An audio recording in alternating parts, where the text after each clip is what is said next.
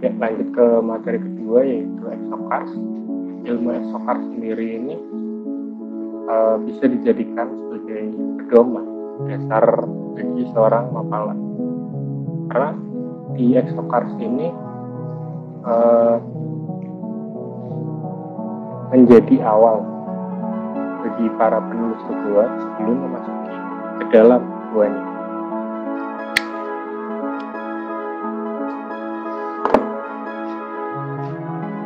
Jadi di exocars ini kita mendata.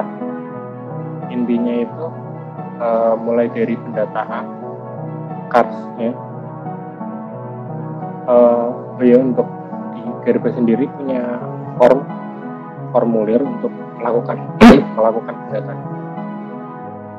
Dimulai dari keterangan nama kemudian gambar jadi kita scan kalau enggak kita foto kita kasih keterangan fotonya. Kemudian lanjut ke uh, penentuan lokasi seperti koordinat dan lain-lain. Jadi kalian harus paham mengenai cara membaca kompas membaca koordinat dan melakukan plottingnya tadi. Plotting si titik kemudian ada data potensinya sama uh, pemanfaatannya itu ini sudah dimanfaatkan.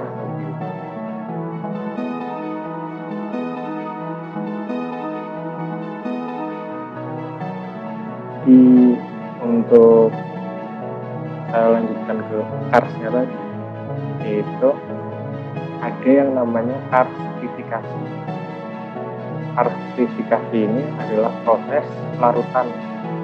Proses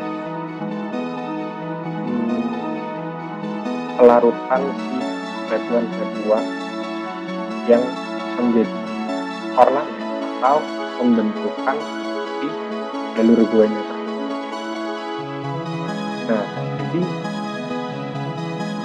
gua itu hidup kan hidup karena dia selama bertahun-tahun selalu tumbuh dan berubah-ubah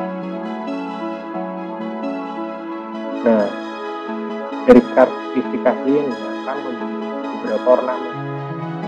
Yang biasa kita yang pertama ada stalaktit stalagmit ada kolom atau pilar kemudian glowstone ada juga gravery ada helektit ada pearl